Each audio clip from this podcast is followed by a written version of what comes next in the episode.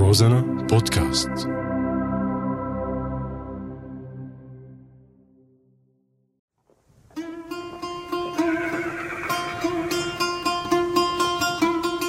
عوالم وأعلام. يأتيكم معي أنا صهيب أحمد. نتحدث اليوم عن مدينة إيبلا الأثرية التي ازدهرت في شمال غرب سوريا منتصف الألف الثالث قبل الميلاد. بفضل اكتشافها أصبحت سوريا المصدر الرئيسي الثالث للتاريخ الحضاري والسياسي في الشرق الأدنى. وهي الحلقة المفقودة التي طالما تساءل علماء الآثار عن مكانها. هذا ما قاله مكتشفها عالم الآثار الإيطالي باولو ماتي الذي كان يرأس البعثة الإيطالية التي تولت أعمال التنقيب.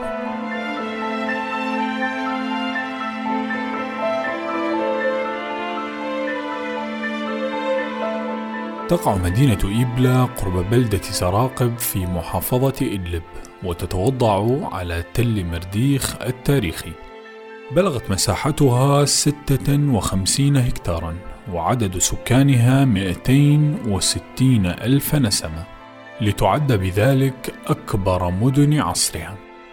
بدأت البعثة الإيطالية عملها عام 1964 بطلب من مديرية الآثار والمتاحف. بعد أن عثر أحد الفلاحين عام 1955 على جرة أثرية في الموقع تحمل نقوشا ورسوما لأشخاص ملتحين. يعتقد بأنهم يمثلون الحكام آنذاك. إضافة لصور سباع وعددا من القطع النقدية والأواني الخزفية. لتسفر أعمال البعثة عن اكتشاف مدينة إيبلا التاريخية.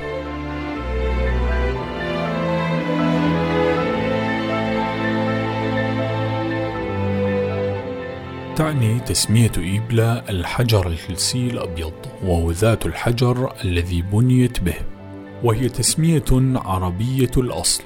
وفقا لرأي ماتي مرت إيبلا بثلاث حقب زمنية حيث تعود بداية الاستيطان فيها إلى الألفية الرابعة قبل الميلاد وشهدت أوج تطورها وازدهارها في منتصف الألف الثالث حين أصبحت عاصمة لدولة قوية.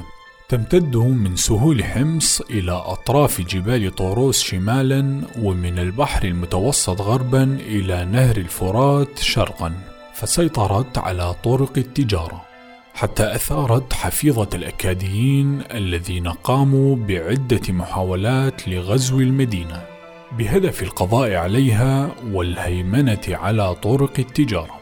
وفعلا بعد عدة محاولات نجح الملك الأكادي نارامسن باحتلالها وحرقها وذلك عام 2250 قبل الميلاد.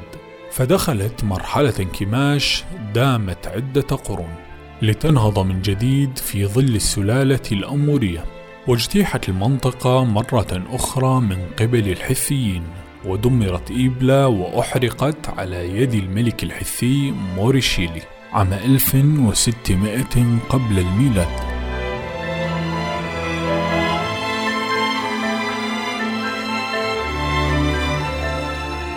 بعد ثلاث سنوات من عمليات التنقيب برزت أهمية الموقع حين اكتشفت أنقاض قصر ملكي يعود للعصر البرونزي القديم. والذي ضم الكثير من الأقسام كقاعة العرش والجناح السكني وجناح المراسم الملكية والجناح الإداري الذي خصص لأعمال التبادل التجارية. إضافة إلى قصر ولي العهد وقصر الاحتفالات الملكية الشمالي والقصر الجنوبي وعدة معابد كعشتار الكبير وعشتار الصغير ومعبد شمس ورشف والأجداد. إلى جانب سور كبير يحيط بالعاصمة إبلة. وكذلك أبنية سكنية ومدافن وآلاف اللقى المتنوعة. أبرزها تمثال من البازلت بدون رأس لأحد ملوك إبلة. نقش على الجزء العلوي منه 26 سطرا بالكتابة المسمارية.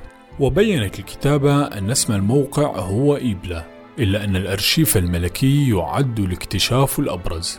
وهو عبارة عن غرفة ملحقة بالقصر.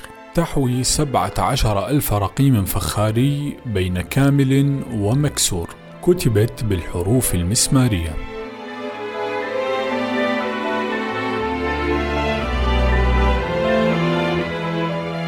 تعتبر الرقم من أهم المكتشفات الأثرية السورية في القرن العشرين. فقد احتوت على معلومات كثيرة عن واقع الحياة السياسية والاقتصادية والدينية للمدينة.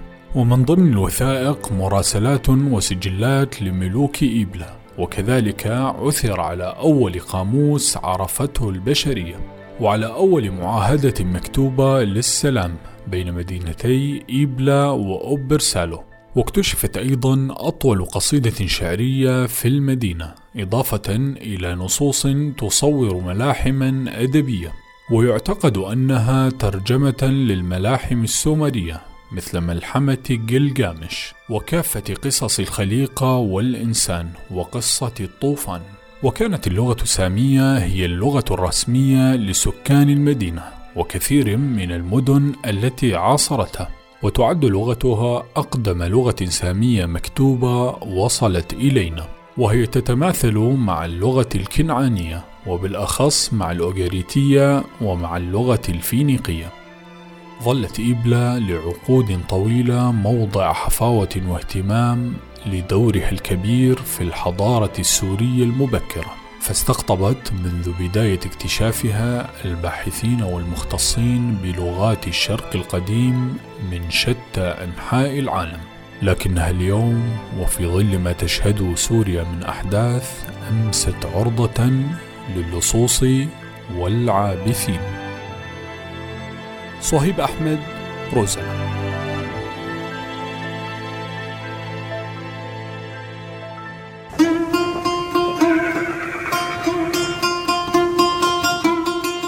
عوالم وأعلام.